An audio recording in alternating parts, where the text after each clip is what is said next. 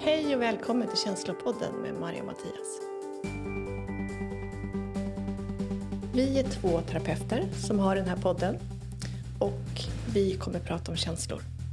Vi kommer ge dig konkreta verktyg för att hantera dina känslor där du får en möjlighet att faktiskt börja bygga en nära relation till dig själv där dina känslor får vara en tillgång i ditt liv och vägleda dig vidare.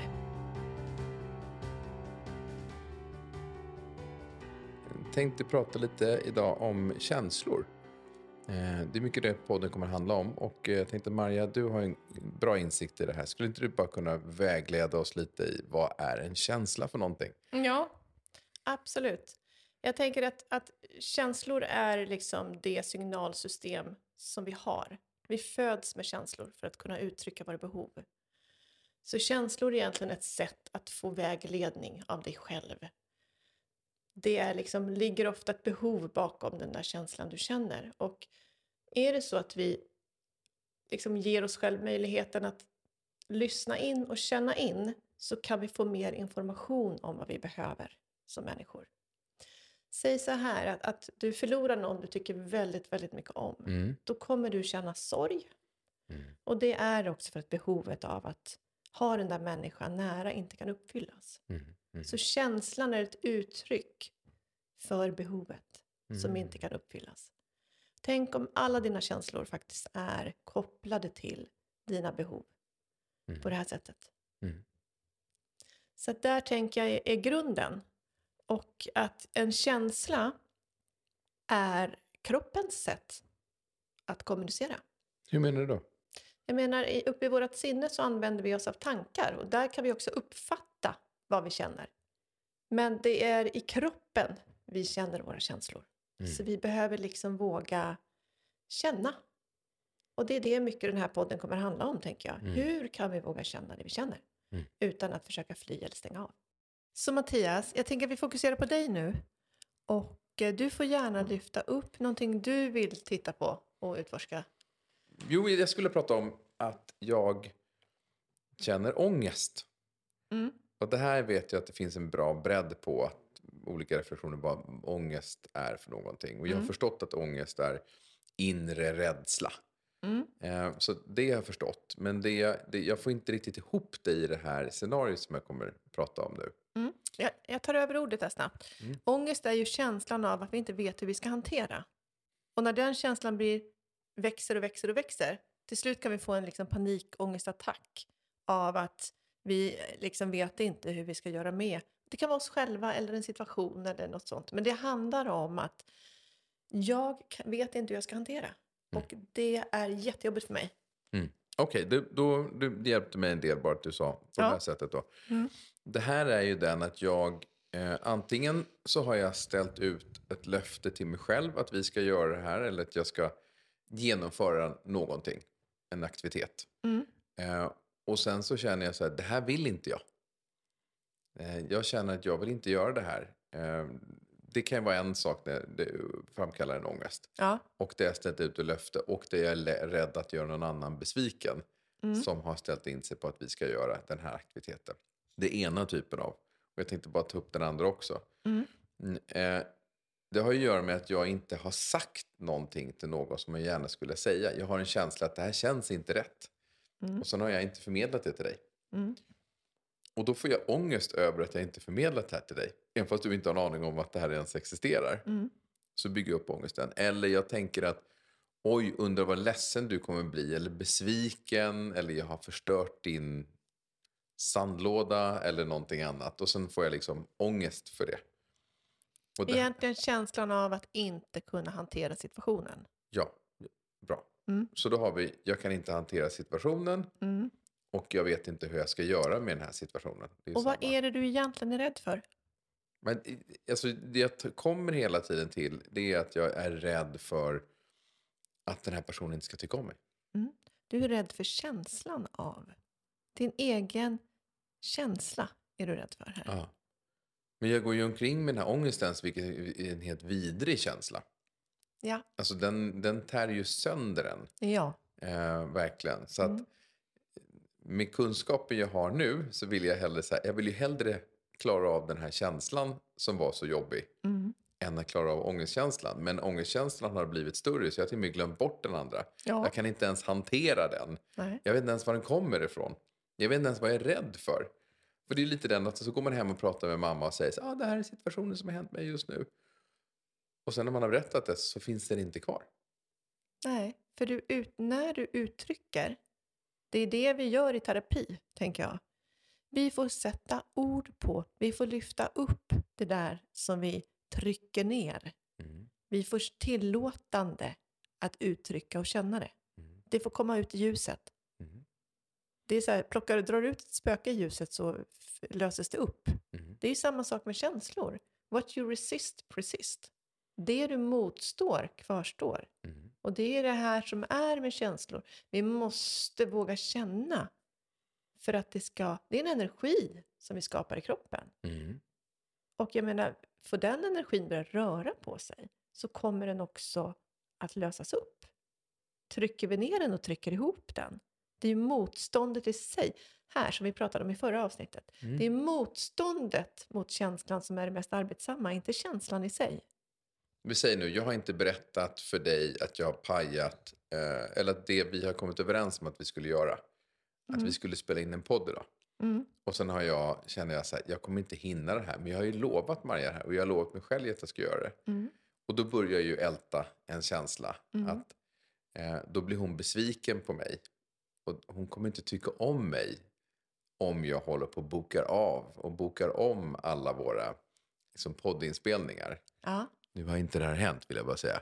Men om det skulle vara så att jag går omkring och tänker på att jag kommer vara sen till våra möten. Mm.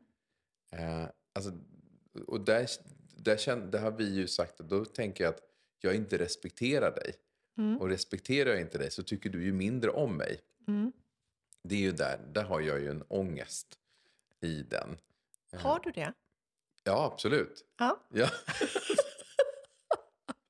ja, det har jag. Ja. Men vi har pratat om det där förut, att jag inte kunde vara i tid. ja. Och hur var det för dig?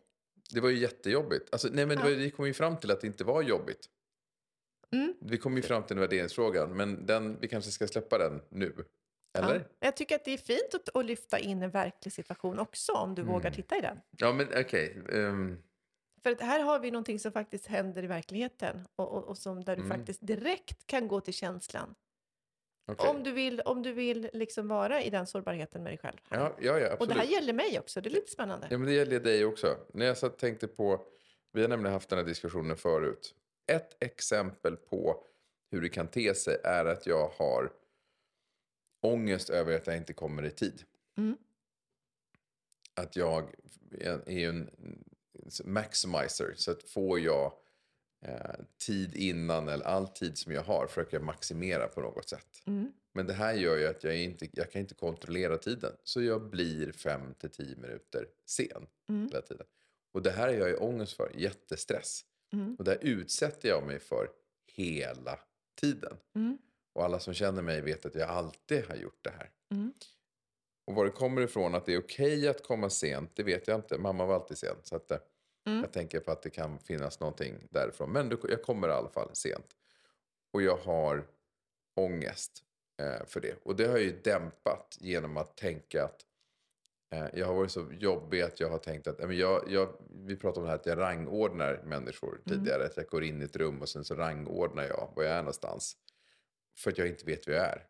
Alltså, inte den fysiska platsen utan jag kommer in i rummet och kan till och med känna lite ångest att jag är sen. Mm. Och sen snabbt liksom så försöka hitta en hierarki i det här. Mm. Eh, Och det var ju en självkänsla som jag hade lite svårt för. Men jag har en ångest att jag är sen.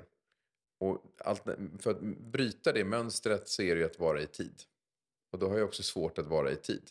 För sitta och vänta in att jag har massa minuter och, som jag inte utnyttjar effektivt. Va, vad gör hållet. det med ditt liv om du inte utnyttjar tiden effektivt? Det är som att du ska missa någonting. Ja, så är det. Jag får, vill inte missa livet. Nej.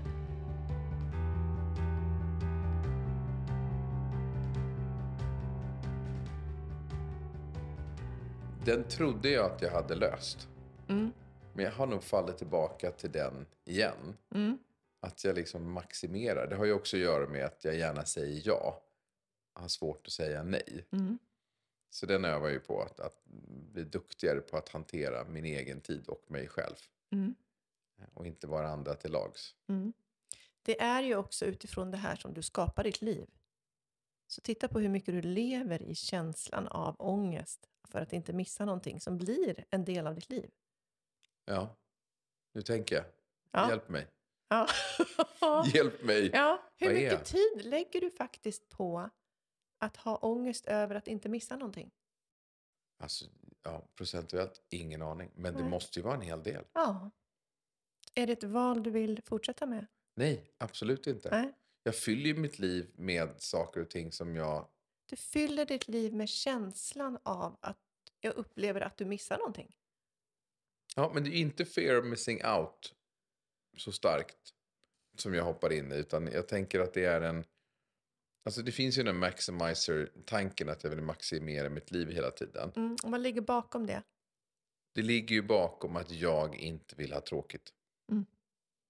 Och det har att göra med att jag vet att jag tycker att jag, jag, energin och känslan av lust är ju väldigt stark hos mig. Mm.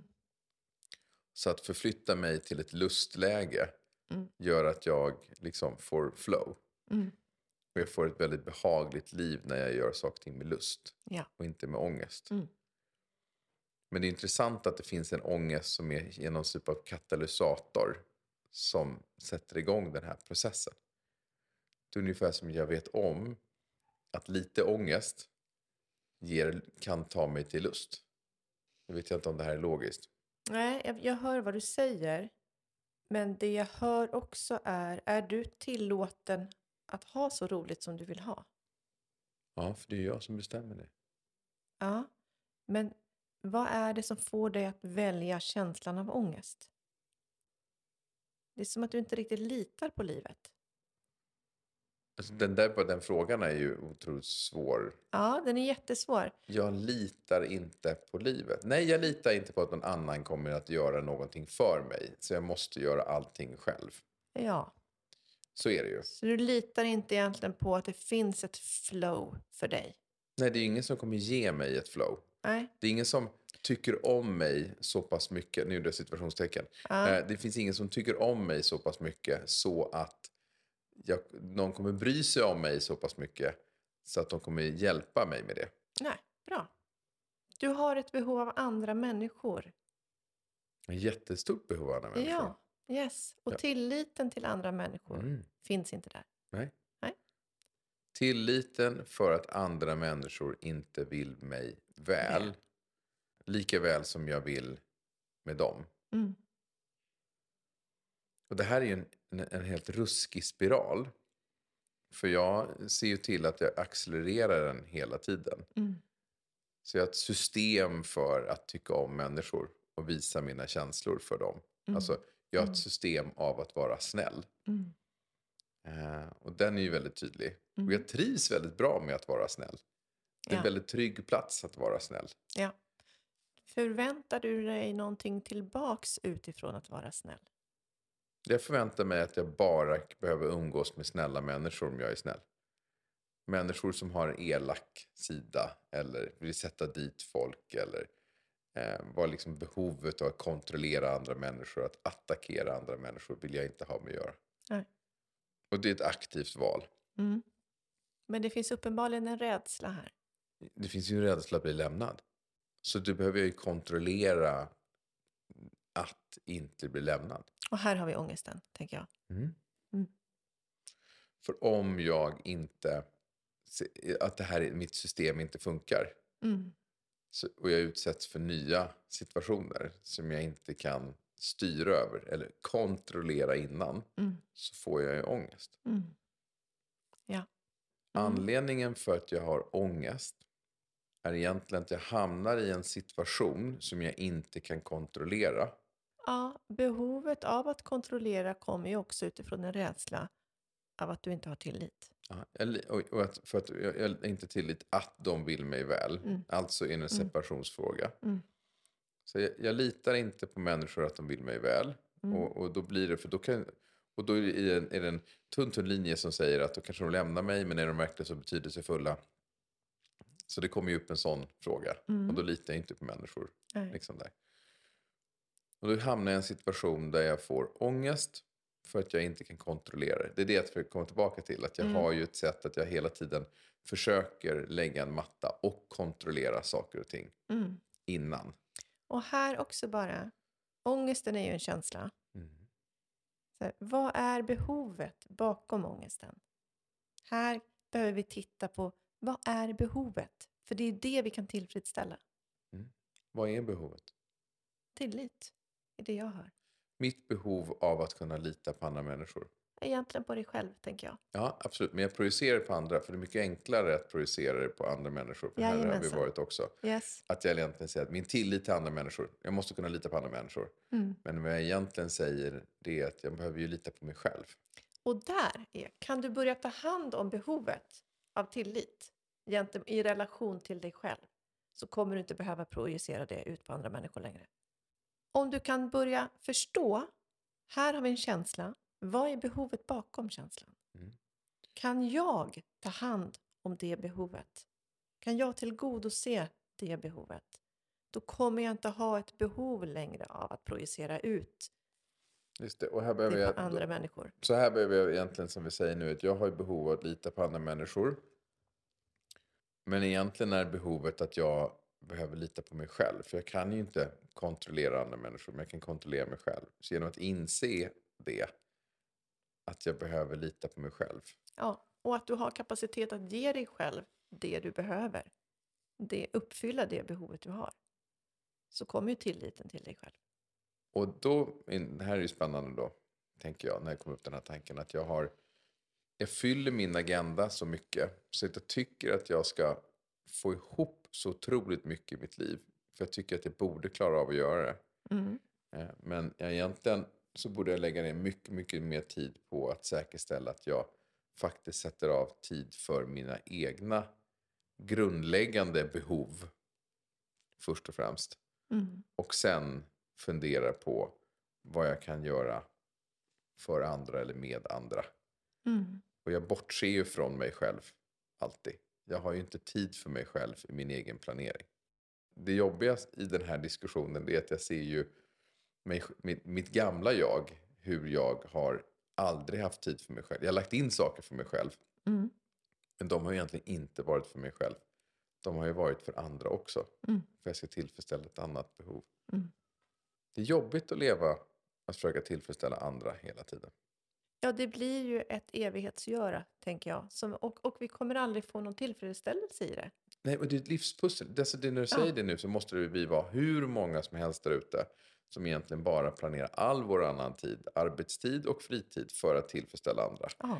Och så fort du säger så här, men du då, ska vi inte ta hand om dig också? Nej, nej. För det hör man ju aldrig. Jag hör det för mycket. Att nej, men jag måste ha tid för mig. Jag har ingen tid för mig själv. Jag hinner inte. Jag Och det är en upplever... rädsla, att ta emo- ha- det är en rädsla för att, att möta sig själv. Och jag upplever att det är mycket lättare att fokusera på andra genom det behovet vi egentligen själva har. Mm. För fokuserar jag på mig, då måste jag ta emot känslor. Mm. Fokuserar jag på andra människor, då kan jag fly från de där känslorna. Mm. Så det är klart att det, vi försöker lösa det så.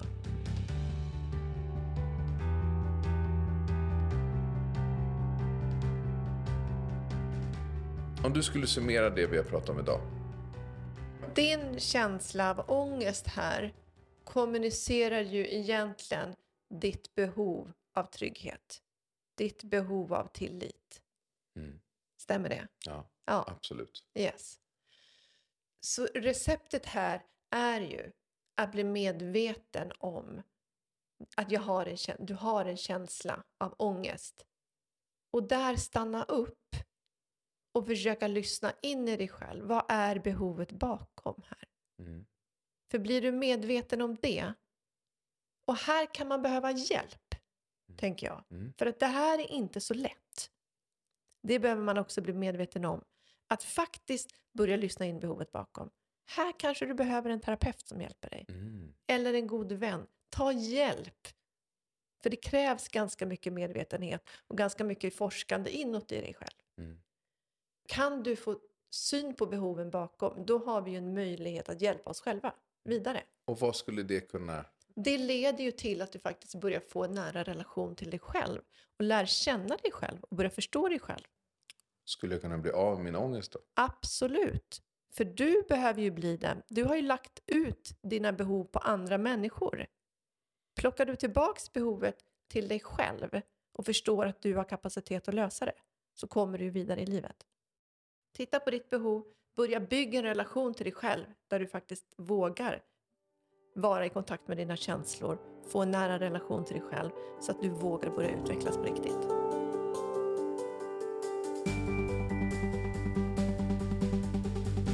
Tack för att du har lyssnat på Känslopodden. Vill du komma i kontakt med oss, mejla på känslopodden gmail.com.